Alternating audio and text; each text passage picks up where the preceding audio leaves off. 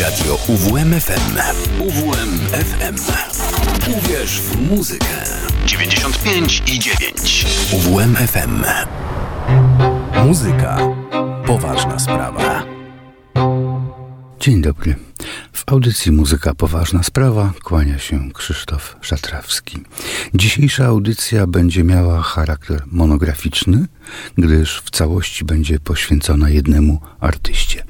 Leonarda Bernsteina prezentowałem wielokrotnie jako kompozytora, jako dyrygenta i jako pianistę. W końcu był on jednym z najwyżej cenionych artystów XX wieku.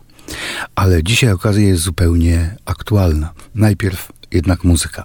Zacznijmy od burzliwego preludium z cyklu pieśni Arie i Barcarole, skomponowanego przez Bernsteina w 1988 roku. W nagraniu tym usłyszymy mezzosopran Friederiki von Stade i baryton Thomasa Hempsona. Orkiestrą London Symphony dyryguje Michael Tilson Thomas.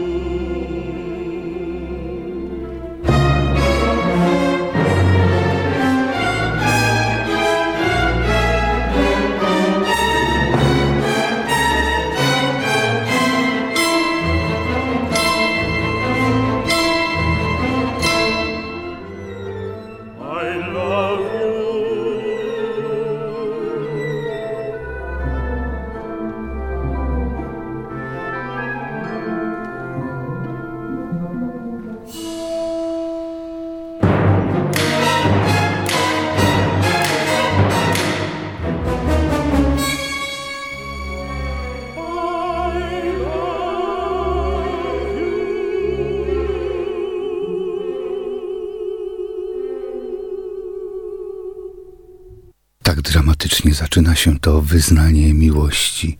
O miłości Bernstein opowiadał w swojej muzyce często, a czynił to szczerze i pięknie. Oczywiście obejrzałem film Maestro. Musiałem.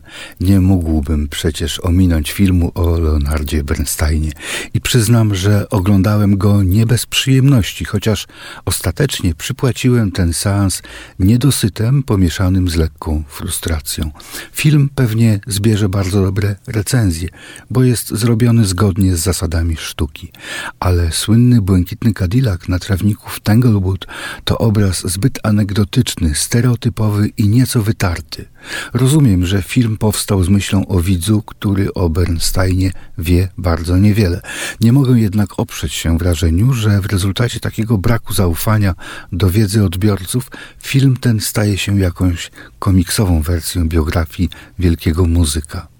Niebywale utalentowany, ale też niemożliwie wręcz pracowity, Leonard Bernstein w każdym swym przedsięwzięciu pozostawał postacią wybitną. W sumie Film temu nie przeczy, chociaż czasami ślizga się po powierzchni faktów. Co by było, gdyby nie nagłe zastępstwo za Bruno Waltera i za Artura Roźnińskiego? Moim zdaniem wszystko potoczyłoby się tak samo. Sam Bernstein mówił o tym jako szansie, którą dostał od losu, ale Bernstein mógł sobie na taką kokieterię pozwolić. W czasie, kiedy to mówił, jego nazwisko często pojawiało się na pierwszych stronach gazet. Był pierwszym urodzonym w USA dyrygentem, który został doceniony na całym świecie. Jako kompozytor kontynuował kierunek wyznaczony przez Gershwina i Arona Coplanda, a więc kompozytorów poszukujących amerykańskiego idiomu. Posłuchajmy muzyki z 1983 roku, a więc okresu, kiedy Bernstein był już uznanym, docenionym wielkim twórcą.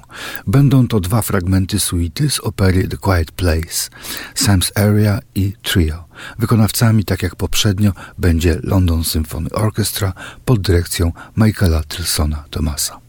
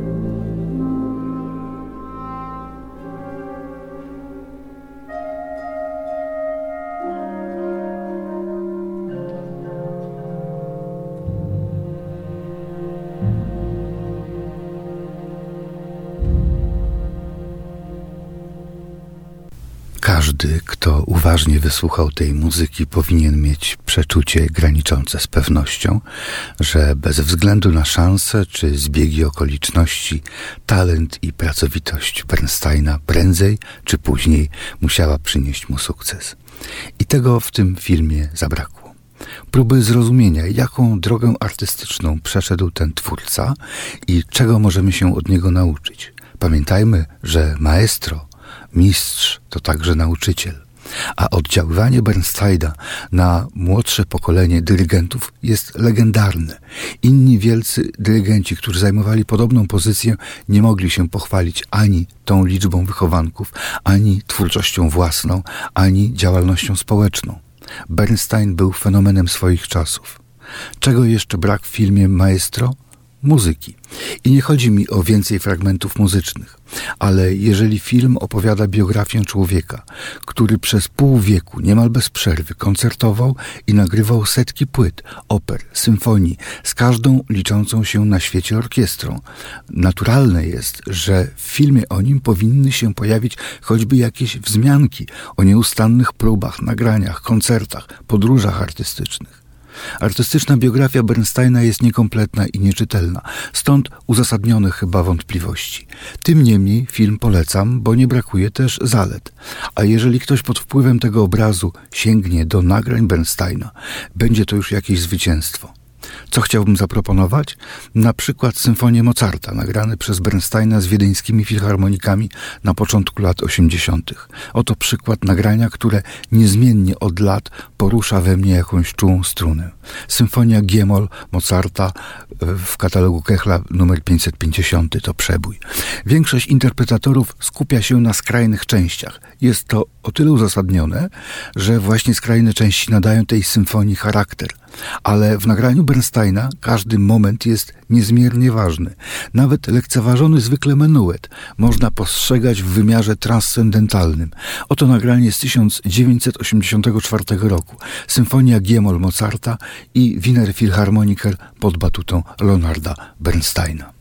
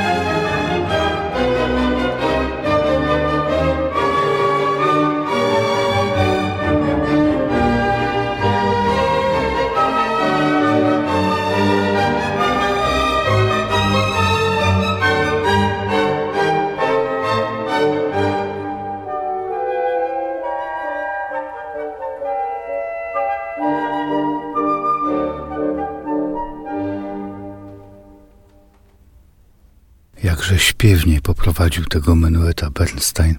Zachwycające nagranie i odkrywcze ujęcie tego dzieła. Bernstein nie poprzestawał na drodze artystycznej, angażował się w działania społeczne i humanitarne. Odegrał na przykład znaczącą rolę w uwolnieniu Genadija e, Rostropowicza, kiedy przy okazji koncertu w Moskwie szepnął kilka słów Breżniewowi. To też należy docenić. Tym, co zostanie na zawsze są nagrania.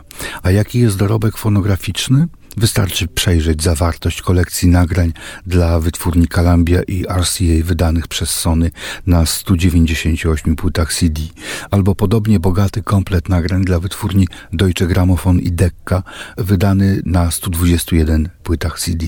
Do tego trzeba doliczyć stałe koncerty Filharmonii Nowojorskiej, w tym także słynny cykl koncertów telewizyjnych, kierownictwo festiwali, kursów mistrzowskich, działalność humanitarną i antywojenną, oszałamiające bogactwo wydarzeń i osiągnięć. Nie umiem się dziś rozstać z Bernsteinem. Wspomniałem o tytanicznej pracy z orkiestrami na całym świecie. Nie wolno zapominać o pracy koncepcyjnej nad partyturą. Wykonania Bernsteina mają tę niezwykłą zaletę, że każde z nich otwiera nowe, często zaskakujące ujęcie dzieł znanych. Zaproponuję może rejestrację koncertowego nagrania symfonii Adur włoskiej Felixa Mendelssohna. Kończąca to dzieło część czwarta, Saltarello, była już prezentowana w naszej audycji w nowszych wykonaniach. Tym razem nagranie Leonarda Bernsteina z października 1978 roku z koncertu w Tel Awiwie z Izraelską Orkiestrą Symfoniczną.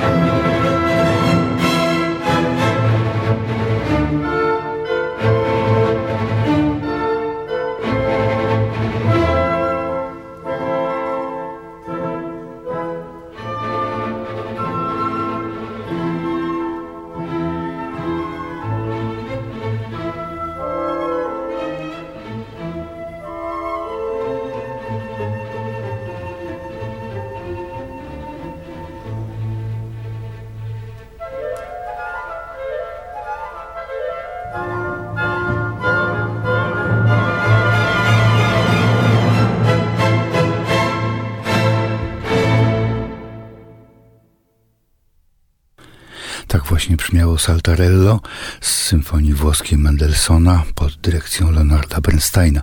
Jak zaskakujące może być odczytanie tekstu, świadczą bernsteinowskie nagrania dzieł znanych z dziesiątków innych wykonań, na przykład koncert skrzypcowy D-dur Brahmsa.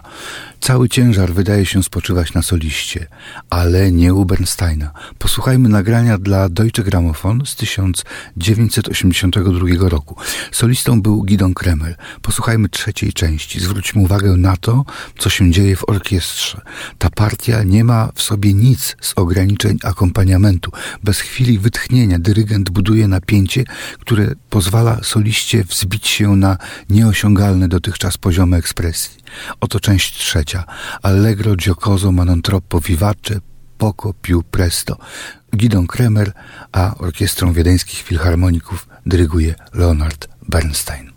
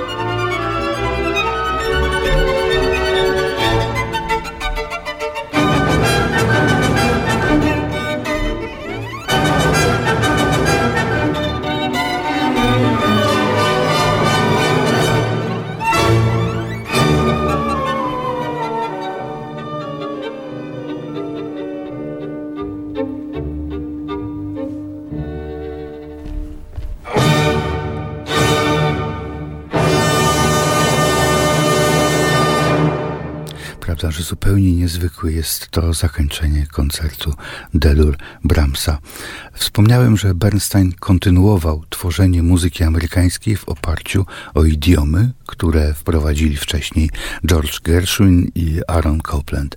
Można byłoby tu również odnieść się do symfonii z Nowego Świata Antonina Dworzaka, jako jeszcze wcześniejszego przykładu takiego właśnie stylu. Do kompozytorów tego nurtu zaliczyć należy również Williama Schumana, kompozytora urodzonego w 1910 roku w Nowym Jorku, zmarłego tamże w roku 1992. W obszernym dorobku tego kompozytora znalazło się osiem symfonii, duża liczba dzieł scenicznych, przede wszystkim muzyka baletowa, znakomita muzyka baletowa, na przykład słynny balet Night Journey, napisany w 1947 roku dla Marty Graham. Dwie opery, szereg dzieł kameralnych. William Schumann, dwukrotny zdobywca Pulitzera za wkład w rozwój amerykańskiej kultury muzycznej, to postać niezwykła. Był też profesorem kompozycji i pre prezydentem Gilliard School of Music. Posłuchajmy American Festival Overture, czyli amerykańskiej uwertury świątecznej, nagranej na żywo przez Los Angeles Philharmonic Orchestra pod dyrekcją Leonarda Bernsteina.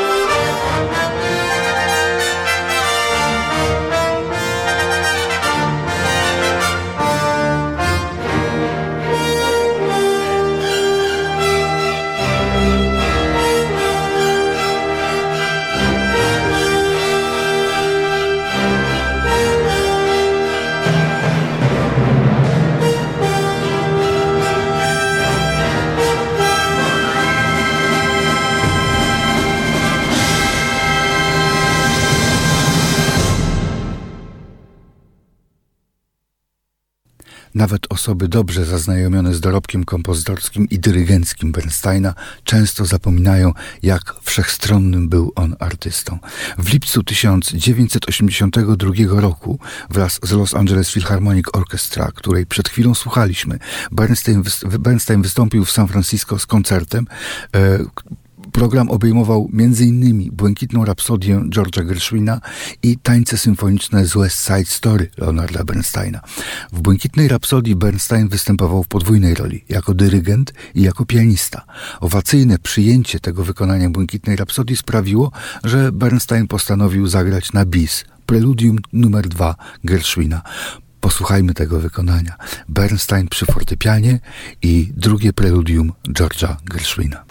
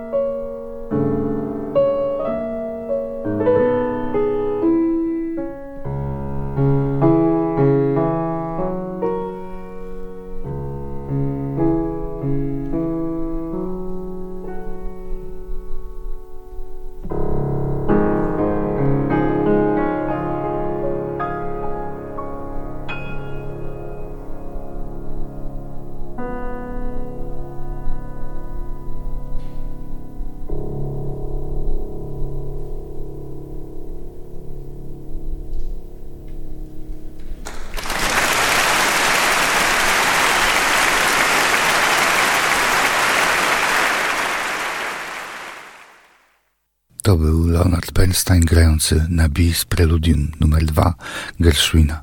I w ten oto sposób cały program poświęciliśmy muzyce napisanej bądź wykonanej przez Leonarda Bernsteina, wielkiego twórcę i kongenialnego interpretatora.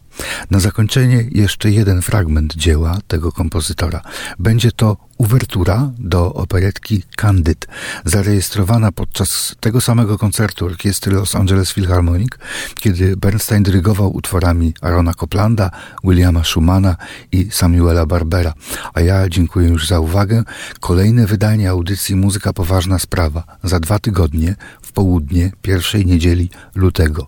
Chciałbym zaprezentować m.in. Adagio Samuela Barbera pod dyrekcją Leonarda Bernsteina, a może też muzykę Arona Coplanda. Planuję też prezentację kompozytorki Grety von Zilitz, a już jutro, jak w każdy poniedziałek o 19, zapraszam na Stany Nieokreślone z kolejną dawką amerykańskiej muzyki popularnej. Tymczasem muszę się już pożegnać. Przygotowanie i prowadzenie Krzysztof Szatrawski, realizacja techniczna Szymon Tołpa. Dziękuję i do usłyszenia.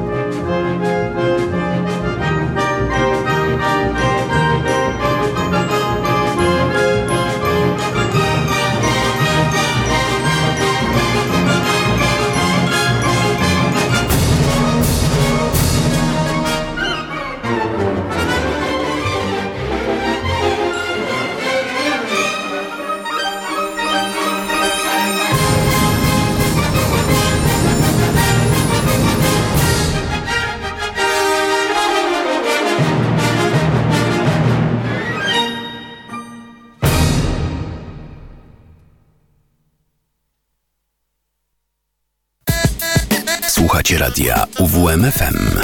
Uwierz w muzykę.